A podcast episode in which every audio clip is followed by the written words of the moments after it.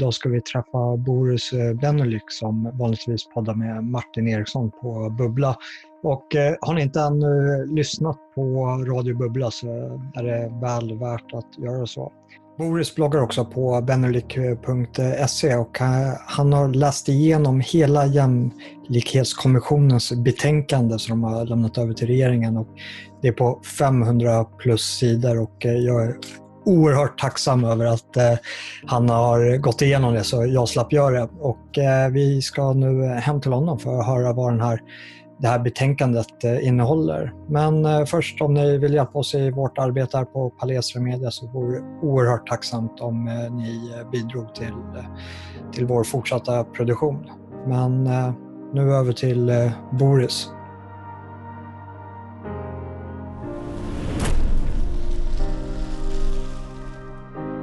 Berätta lite kortfattat vad den här jämlikhetskommissionens betänkande, en gemensam angelägenhet, vad, vad är det för någonting? Vad, vad är det du har läst för något? Ja, det, alltså det är en, kommissionen tillsattes ju alltså genom tiderna, jag säga, inte sen eh, i några tiotal år så har det då, då kommit en sån här utredning om eh, den bristande jämlikheten i samhället och Eh, man tillsätter dem regelbundet. Höll jag på att säga. Och den här är väldigt, var väldigt, är väldigt intressant alltså, för det har inte varit så mycket buller om bång om den, vare sig när man tillsatte den eller när man presenterade den. Eh, och det är ändå, det är det gamla vanliga kan man tro då, att eh, ja, vi har olikheter i samhället, folk tjänar olika mycket, Eh, folk har olika förutsättningar, vi måste utjämna, alla måste ha samma chans och möjligheter och så vidare. Alla ska med. Eh, men det här är den utredning som jag har sett på området som är allra mest eh, vittomfattande. Tidigare så har man liksom nöjt sig med att ja, vi måste, folk måste tjäna lite mer, de har olika inkomster, vi måste gå in med bidrag och så vidare. Här så är det ett, ett sanslöst brett batteri. Alltså det finns inte ett område i en människas liv de inte är inne och petar i att skapa jämlikhet. Och det intressanta med Jämlikhetskommissionen det är att den kommer, och det här betänkandet att det kommer i en ny tid.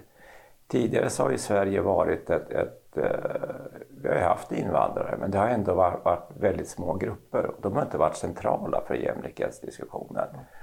Det har varit det här mer eh, svenska klasser, svenska skikt, hur ska man utjämna? Och nu så har man plötsligt så en och en halv miljon eller mer, eller lite mindre, som faktiskt befinner sig, konstaterar de, utanför samhället. Och då är det ju väldigt ojämlikt. Och det här måste man fixa till. Ja. För, för det finns väl lite olika betraktelser till vad är ett jämlikt samhälle? För man ska hårdra det, nu håller inte jag kanske alls med om att borgerligheten befinner sig i den här sfären. Men det är ju den här jämlikheten utav möjlighet att agera. Att vi har inte har ett system som förhindrar någon att växa. Och sen så har vi vad det här betänkandet verkar anspela på. Den här jämlikheten till utfallet. Att vi har ett ojämlikt samhälle om vi får olika utfall. Eh, ja, och, och, grundtanken här är ju att eh, Alltså vad de laborerar med är ju att eh, i ett perfekt samhälle så kommer alla att ha det lika bra på alla sätt och, och lyckas lika bra efter sina förutsättningar. Så ge alla precis samma start, samma förutsättningar, samma villkor tvärs igenom livet. Det blir intressant för du har ju en generationsskiftning för vi lämnar ju också över våra egna förutsättningar som vi har skapat för oss själva till till våra barn. Men jag tänkte jag ska läsa ett litet citat från, mm. från din blogg här som jag tyckte var, var intressant. Och eh, du skriver så här att, om eh, det här betänkandet. Den som strävar efter att ordna det så bra som möjligt för sin familj anses i utredningen bidra till den ökade ojämlikheten. Och så citerar du betänkandet. Föräldrar försöker på olika sätt skapa så gynnsamma förutsättningar för sina barn som möjligt. Och det kommer därför på sikt inte att råda jämlika förutsättningar om ingen utjämning av utfallet sker. Mm. Vad, vad, var det vi läste här precis? Alltså en helt sanslös formulering. Jag vet att jag kom dit och var tvungen att stanna upp. Vänta nu, skriver de verkligen detta? Men det gör de och sen, sen fortsätter de i, i, samma anda. Och det är ju själva grejen. Om du som förälder ser till att eh, ge dina barn bästa möjliga villkor beroende på inkomst och allting annat och också kanske gärna vill lämna någonting efter dig till dem. Då har du bidragit till att öka ojämlikheten. Det är för att det finns andra föräldrar som inte gör detta. Och eh, hur föreslår du i det här betänkandet att man ska korrigera det här på politisk väg? Eh, det ena är ju att, att eh, skatta skiten ur de som... Som producerar? ja, precis. Och det, det, är väldigt tydligt alltså att Ponera till exempel att du köper en, en köper villa eller bostadsrätt och ser det som att det är en investering inte bara i boendet utan för framtiden jag lämnar efter mig. Då vill man dels höja beskattningen på om du skulle göra någon vinst på försäljningar under tiden, byta bostadsrätt eller byta boende. Det ska höjas att det, ganska mycket upp till vinsten på eh, kapitalinnehav. Och samtidigt vill man att man ska höja de, eh, beskattningen på de vinsterna också, så vem vet var det slutar. Sen vill man ju öka Eh, momsen, dubbla momsen på mat till exempel. Så, att matkassen kommer komma dubbel, kosta dubbelt så mycket. För de som har sämre inkomst de kommer få speciella matbidrag.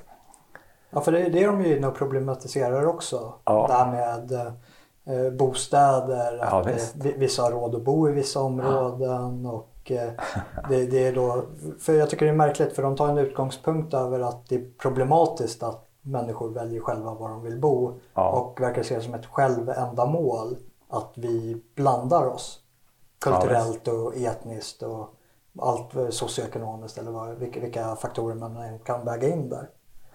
Ja, och, och där föreslår man ju väldigt långtgående åtgärder också. Eh, dels ska ju staten börja bygga mera tycker jag, ta ett ansvar för det hela. Och det man talar om är ju att eh, och sen ska man också införa statliga hyresgarantier för de som har en, för låg, en stabil men för låg inkomst. Det vill säga att går du på bidrag då har du en stabil med låg inkomst men kanske inte kan betala en hyra om du vill bo i ett finare område. Då, då ska det finnas en statlig hyresgaranti.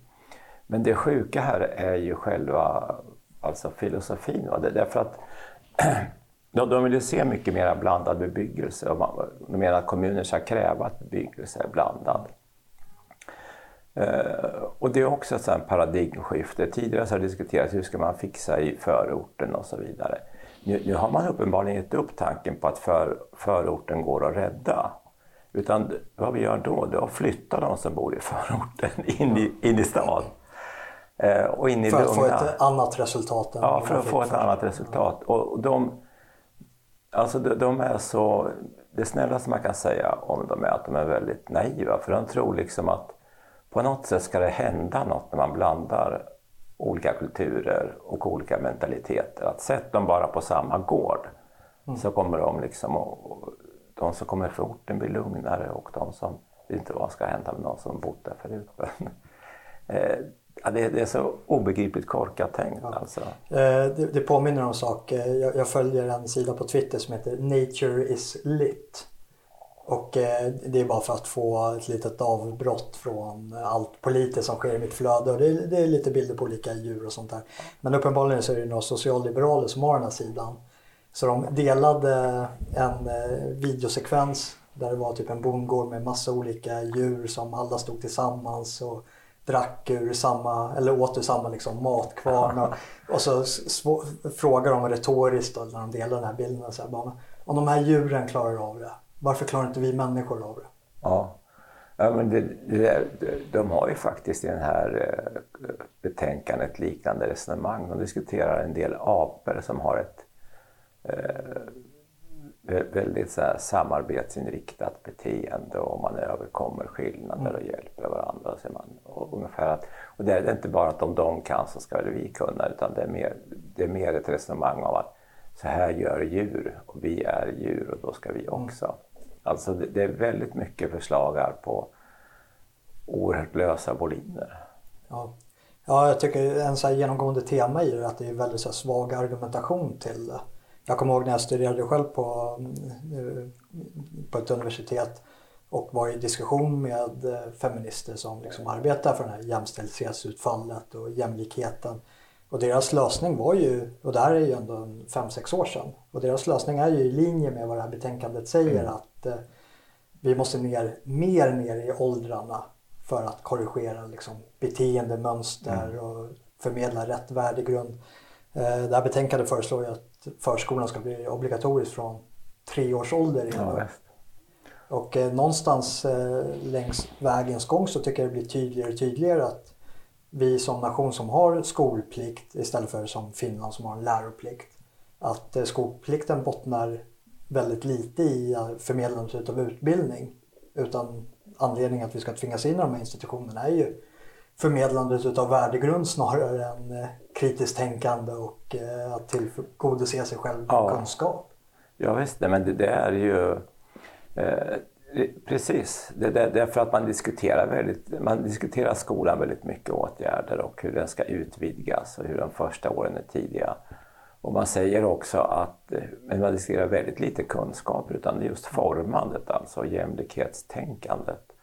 Och man säger också att att eh, det är eh, eh, att, att det finns ett citat, jag vet inte om jag hade med det i texterna, om att barnets rätt är det viktiga. Och barnets rätt är ju att fostras till jämlikhet. Och om föräldrarna inte inser detta måste, statens och barnets, måste staten tillvarata barnets rätt och ta barnet helt enkelt. Så, så att föräldrarätten är extremt satt på undantag.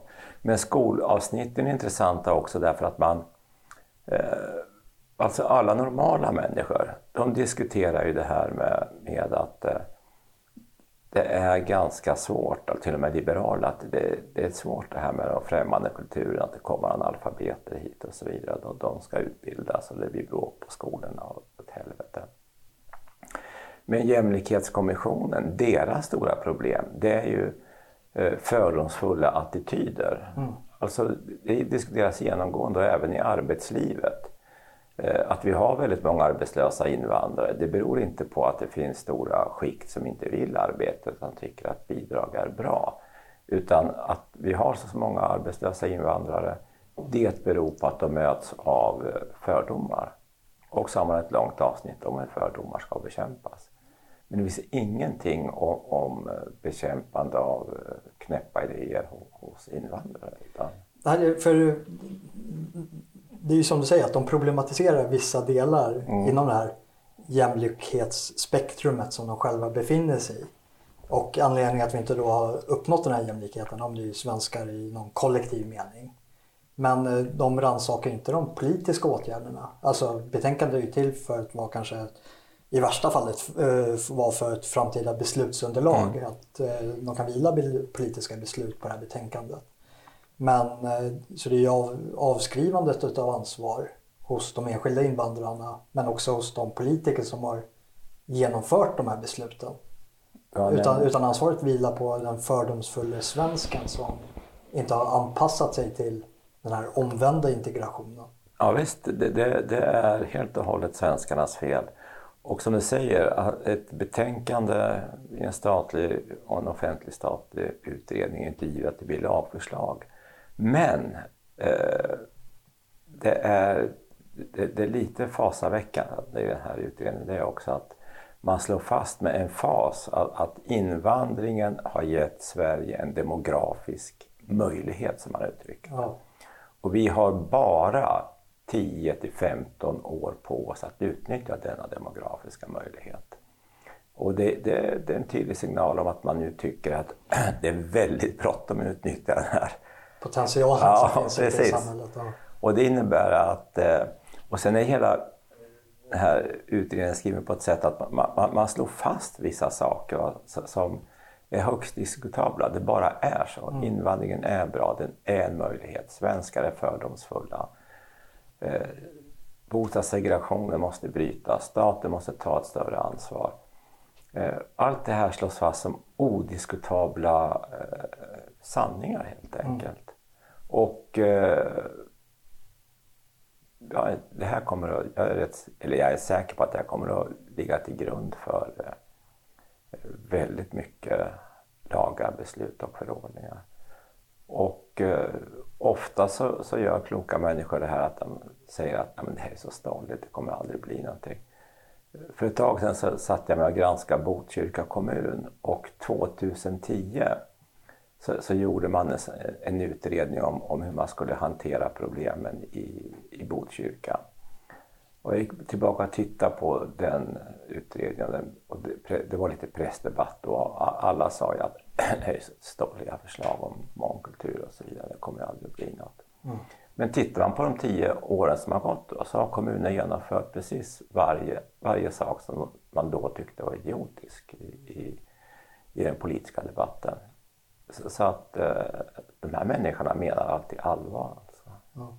ja, det är väl det som är farligt. Eh, ja. För det är ju det du säger att eh, de betraktar det här som eh, sanningar som man inte får eh, säga emot. Och när man börjar leva ut det så kommer ju det få konsekvenser.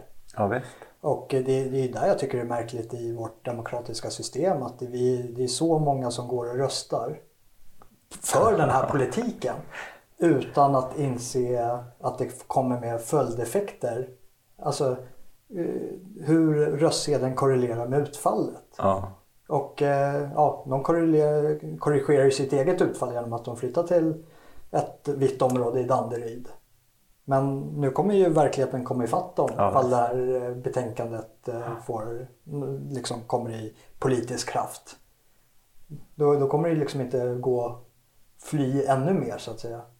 Nej, det, är, eh, det finns inte så många platser att fly till när de har slutit det här, när de har nyttjat den demografiska möjligheten till max. För, för jag tycker det är en ganska hemsk formulering när det här citatet jag läste upp som, som du ryckte, ryckte ut ur det här betänkandet. Och det är ju att som förälder, man vill ju skapa så bra och gynnsamma mm. förhållanden som möjligt för för sina barn. Man vill ju flytta till en trygg miljö. Ja, visst. Och eh, jag litar ju hellre på min egen förmåga att skapa trygghet för min familj än någon form av centraliserad statsmakt. Och eh, det, det, känns nästan så här uh, diaboliskt över att de ska ta familjers barn och placera in dem på grund av något jämställdhetsargument i en miljö som inte är trygg. För är det någonting som eh, verkligen saknar trygghet, det, det är ju skolan. Ja, det, det, är liksom, det är förskolan. Som, eh, där det är människor som inte har en stark personlig koppling till de här barnen är där. Utan det är liksom av så nära politiska kommissarier som man kan komma som mm. saknar en verklig emission till de barnen som de är satta att eh, beskydda. Och så begås all eh, sköns form av brottslighet i alla fall i skolan när man kommer upp lite i åldrarna. Och det var ju nu i eh, skolstarten i, i år som det var lite ramaskri i Göteborgsregionen med hur de hade ändrat turordningen till olika skolor där då svenska ungdomar fick finna sig i att mm. röra sig ganska långt för att komma till en helt ny skola. Just på grund utav att nyanlända fick förtur till den skolan som var närmast. Som föräldrarna hade flyttat till det, det området säkerligen för att barnen skulle gå i en bra skola. Som nu ändå måste åka till det här utanförskapsområdet. Kanske helt ensam. Ja, det, det, är... Eh, nej men vi, vi är tillbaka i... Eh, eller vi har aldrig haft det amerikanska bussningssystemet nej. men vi, vi är på väg att... Eller vi har infört det i princip. Och just det här misstänkliggörandet av, av den förälder som vill ta större ansvar för sina barn. Eller de barn som själva liksom, eh, jag menar det, situationen beskriver, det kan inte vara roligt att ta sig över över Göteborg till en skola där man, där man liksom kommer att tillhöra en minoritet och där majoriteten eh, ser ner på en. Det är... men, men just det du beskrev innan, det här grundläggande att man, man har en skola där personalen väldigt ofta är sedan länge värdegrundsfostrad. Och man, man, har en ideologi som säger att svenskar är fördomsfulla. Och man, i ideologin ser man också att de som kommer utifrån är bra bärare av goda saker. Och är de inte bärare av goda saker då har de haft otur, hemska upplevelser och måste tas om hand. Och man måste vara extra icke fördomsfull mm. mot dem. Och där, du påpekade ju en ganska intressant sak också som betänkandet eh, tog upp där. Och jag, jag, bara tillägga till tittarna att all, all, min kunskap som jag har om det här betänkandet kommer fram på deras egna blogg. Men det är ju hur man ska komma till rätta med eh, de här bråkstakarna till exempel i skola eller i, med eh, den organiserade brottsligheten eller kriminaliteten och alla de här aspekterna som de tillskriver bidrar till den ökade ojämlikheten.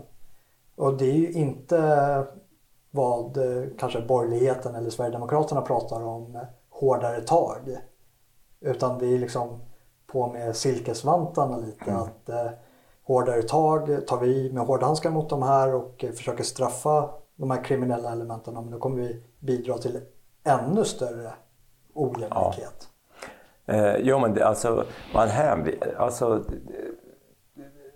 eh, eh, avsnitten om kriminalitet är ganska häpnadsväckande. Alltså, det har ju länge pågått en diskussion i Sverige om eh, Eh, straff, kriminalvård, alla sådana saker. Och, och det, det bortser man från, utan man säger bara att det finns omfattande danska studier som visar att eh, eh, ökad, hårdare straff inte spelar någon, någon roll helt enkelt. Och att det, det, är bättre att behålla de här väldigt, väldigt milda straffen vi har, speciellt för unga brottslingar. Eh, för då får de en bättre chans att komma igen. Om man får, är, det, är det ungdomar som är stökiga i skolan så får man inte slänga ut dem från skolan för att de blir sämre om man exkluderar dem. Och eh, det, det, det, är så hårresande och samma sak där man, man, gör ing, man, man, gör ingenting liksom för att diskutera kan det vara så att, att eh, kulturen och mentaliteten gör de här, att, att de nästan på frivillig väg lever i sina separata samhällen, blir avskilda från Sverige i övrigt, ser ner på Sverige i övrigt, det är bara någonting man kan plundra ungefär.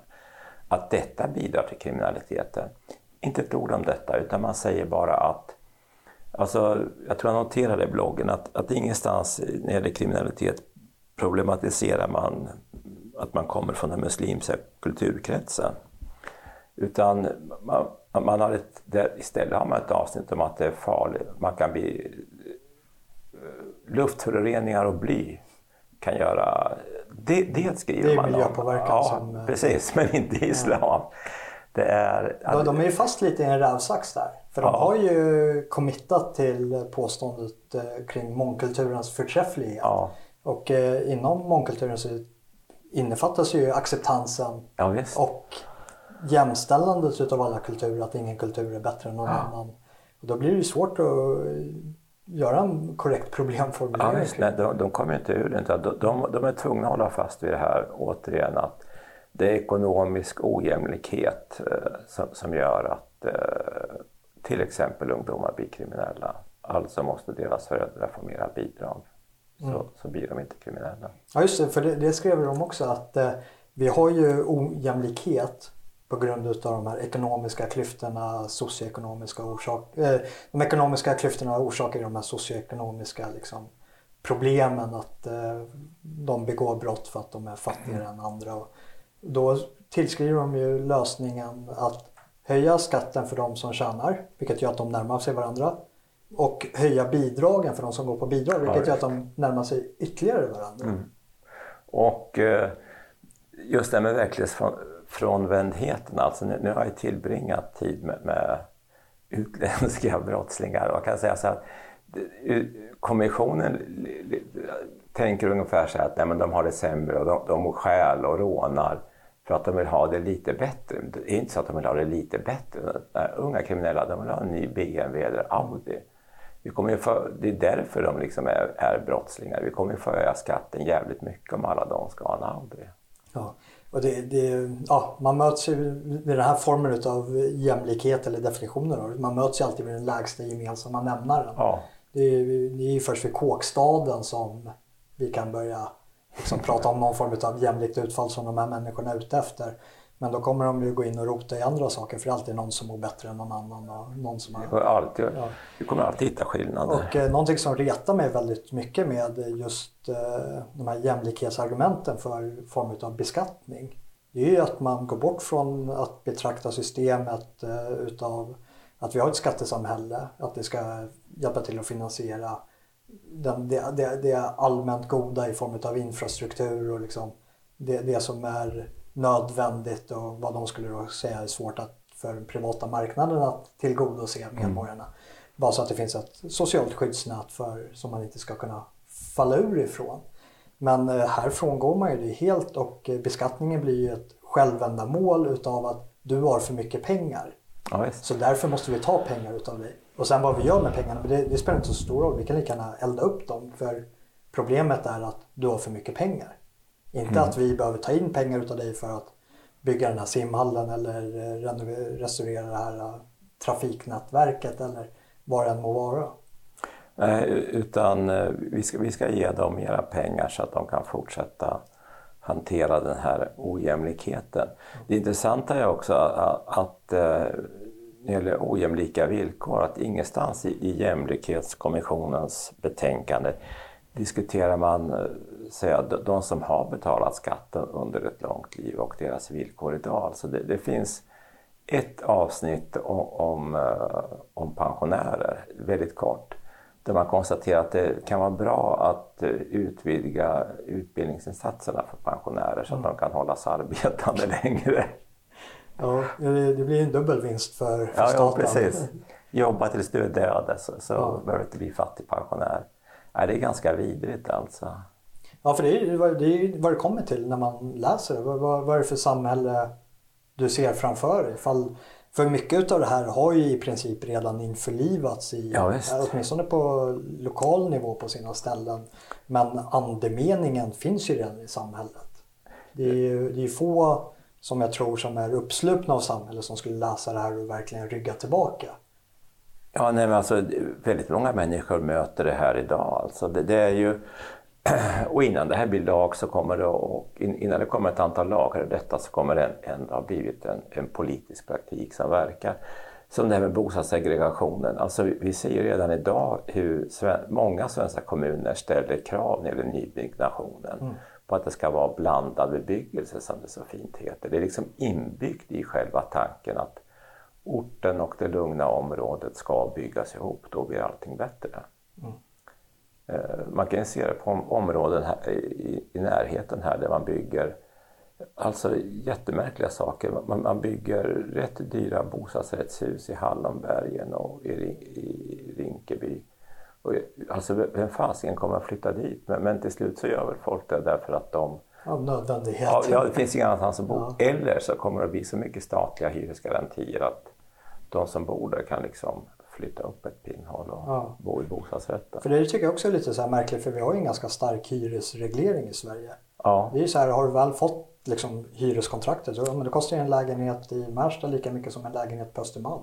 Ja, Kanske till och med att den på Östermalm är billigare på grund av att den är äldre och liksom lägre omkostnader på det sättet. Ofta ja. Mm. Så att eh, man skapar helt eh, förryckta villkor. Och det, det är där jag tycker det finns en paradox i det och eh, man brukar ju prata om att eh, allt du subventionerar får du mer utav mm. och allt du reglerar får du mindre utav. Och det känns ju som att det den här rapporten gör är ju att i, i princip, ja, dels så subventionerar den ett helt liksom, vanvettigt samhälle där människor verkligen kommer må illa.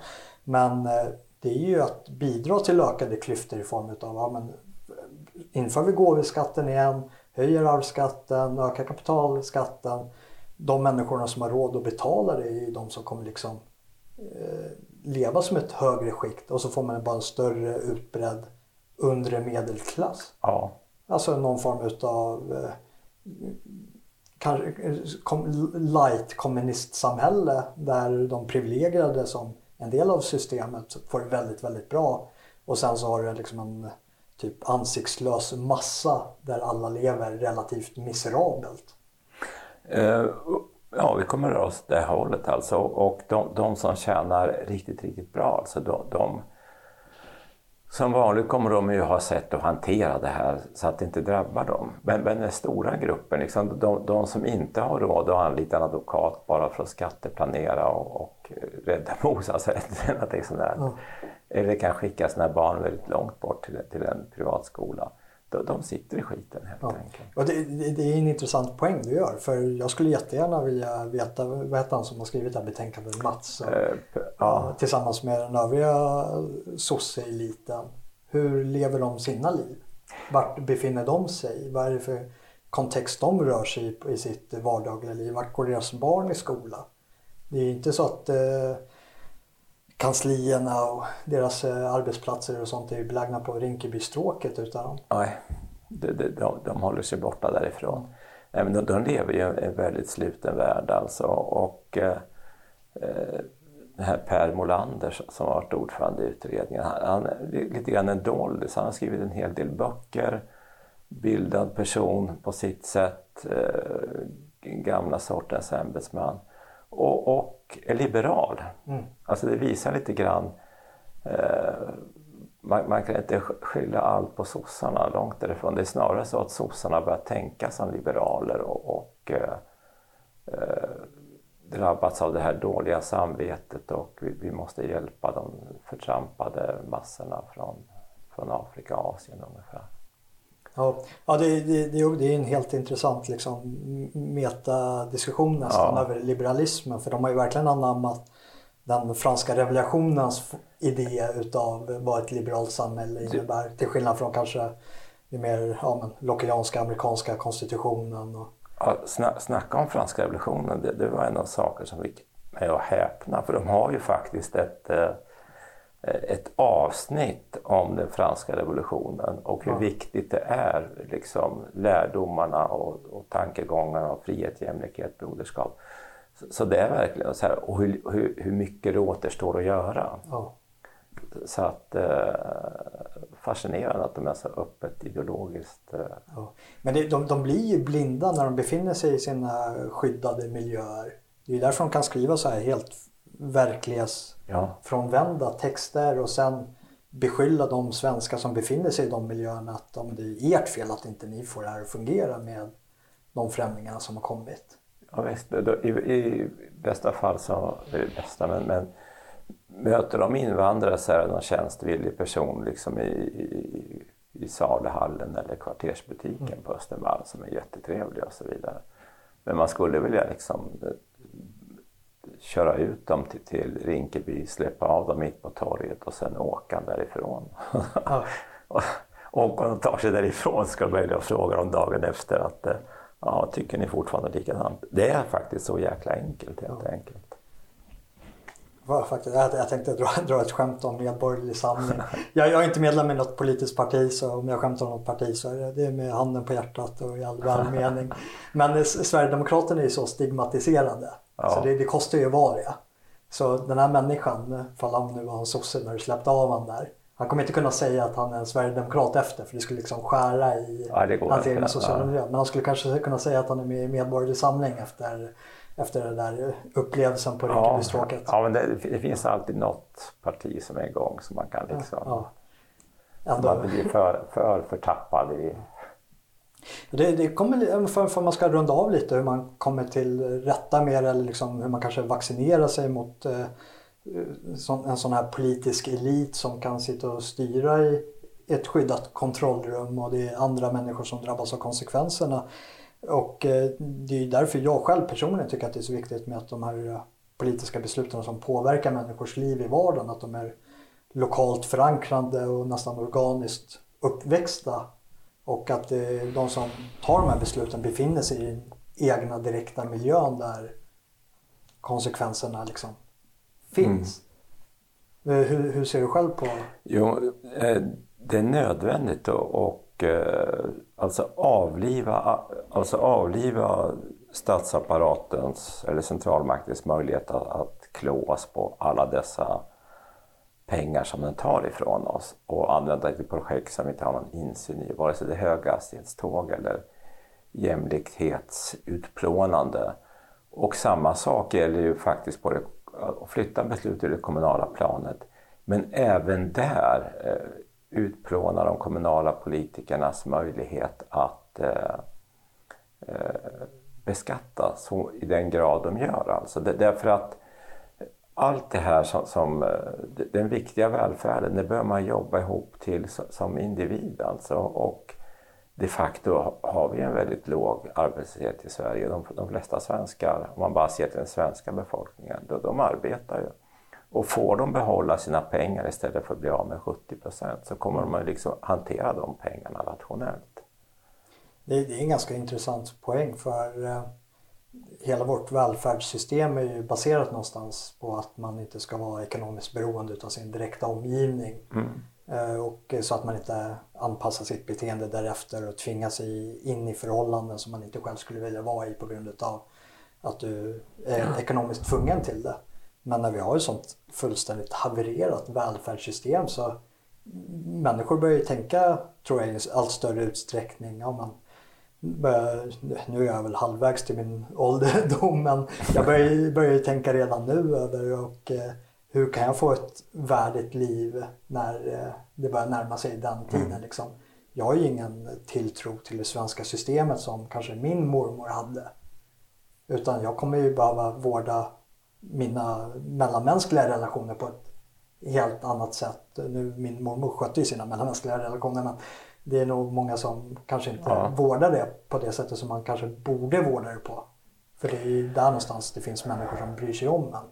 Annars så hamnar man på en kall institution med eh, människor som inte kan ditt språk, kommer från en annan kulturell bakgrund och i värsta fall, vad jag läste på nyheterna för två veckor sedan, eh, ska få ögondroppar men få snabblim istället. Ja, ja men det, det, är liksom, det är, eh, alla de här skräckhistorierna är ju liksom inte historier utan sanna. Det, det sker så mycket fruktansvärda saker så att eh, eh ta ju liksom eh, minska beskattningsrätten drastiskt för, för politikerna. Alltså, de ställer bara till ofog. Men här i Solna så Eh, de bygger nya simhallar till exempel. Jag menar, det, vi har en utmärkt simhall helt enkelt. Mm. Och där det knappt är någon. Man, ska, man har ändå byggt en ny. Och så men det måste väl vara för de olika könen? För... Ja, men, det, det, det är väl... ja, men, jag, jag, jag tänker på multituren och eh, våra, våra nya medborgare badar ju gärna könssegregerat. Ja, ja, men, ja, det, det, är faktiskt en möjlighet att, att eh, vi gamla manliga udar, vi får behålla den gamla ja. hallen. Och så, eller så blir det national, nationalitetsindelat på något sätt. Nej, men det, det slösas något förbannat alltså. Det, bara, det kommer inte att drabba välfärden. Och, därför att det är en välfärd, vi har, vi har ju operationsköer, vårdköer. Eh, vi har köer till allting plus en obegriplig mängd fattigpensionärer. Jag menar, det, det, det är bara att säga stopp helt enkelt. Och sen kommer folk, som, som du sa, att när man återupprättar de mänskliga sambanden mellan människor då, då kommer liksom folk att börja bygga upp saker eh, själva helt enkelt med, med, med de pengar de har jobbat ihop och då, då får vi ett bättre samhälle. Ja, och det är ju saker man kan faktiskt göra redan idag. Ja, alltså ta, ta ett ansvar över sin tillvaro. Vi vet att det, liksom, det finns ett starkt beskattningstryck och det här systemet gör det väldigt svårt för en att göra helt egna fria val. Men det finns väldigt mycket man kan göra för att skapa en bra tillvaro och miljö för sig själv. Vilket den här rapporten då problematiserar i och med att om du gör de sakerna för din familj och din omgivning så bidrar du till den ökade ojämlikheten. Ja, för, du är en ond människa. Ja, alla tänker, vissa tänker kortsiktigt och är starkare impulsdrivna och sen har vi andra som tänker lite längre fram och så agerar därefter också. De ska vi straffa. Ja. Ja, stort tack för att vi fick eh, komma och gästa dig här. Du, du, Rent nöje. Ja, ordet är ditt fall du vill ha ett eh, avslutande ord som pitchar för ja, bok eller blogg eller något annat. Ja, ni får gärna gå in på min blogg eh. Där skriver jag nästan dagligen och ni kan också prenumerera på mitt dagliga nyhetsbrev. Jag skriver sånt som är om allt möjligt, från mat till politik. Du har mycket tid till övers alltså? Ja, jag har ju gott om tid. att, eh, jag kan läsa och skriva. Så att, ja, eh. ja det, det, måste jag säga. Det, det, var imponerande att du lyckades plöja igenom den här, det här betänkandet på 500 plus sidor. Hur, hur, hur gjorde du det? Nej, men jag satte mig ner och eh, jag visste det skulle ta ett tag. Så det, det är bara att sätta sig ner. Alltså, när man trycker i sig att det, det är inte någon nöjesläsning, det är som ett jobb vilket som helst. Du, du blundar och kör helt enkelt. Och sen vet man att man kommer att hitta saker som är smaskiga. Det, det, journalistikens problem idag, alltså att den gamla amerikanska radikala journalisten I.F. Stone, han, gjorde, han kom in med mängder av avslöjanden, men det enda han gjorde, han lämnade i princip inte sitt rum. Mm. Han beställde bara hem alla utredningar och protokoll från staten och sen läste han dem. Och, och de är, allt finns ju där. Ja. ja, jag är väldigt tacksam i alla fall som jag sa innan samtalet att jag slapp läsa igenom Ja, tack så mycket för att ni har lyssnat och så syns vi till eh, nästa avsnitt.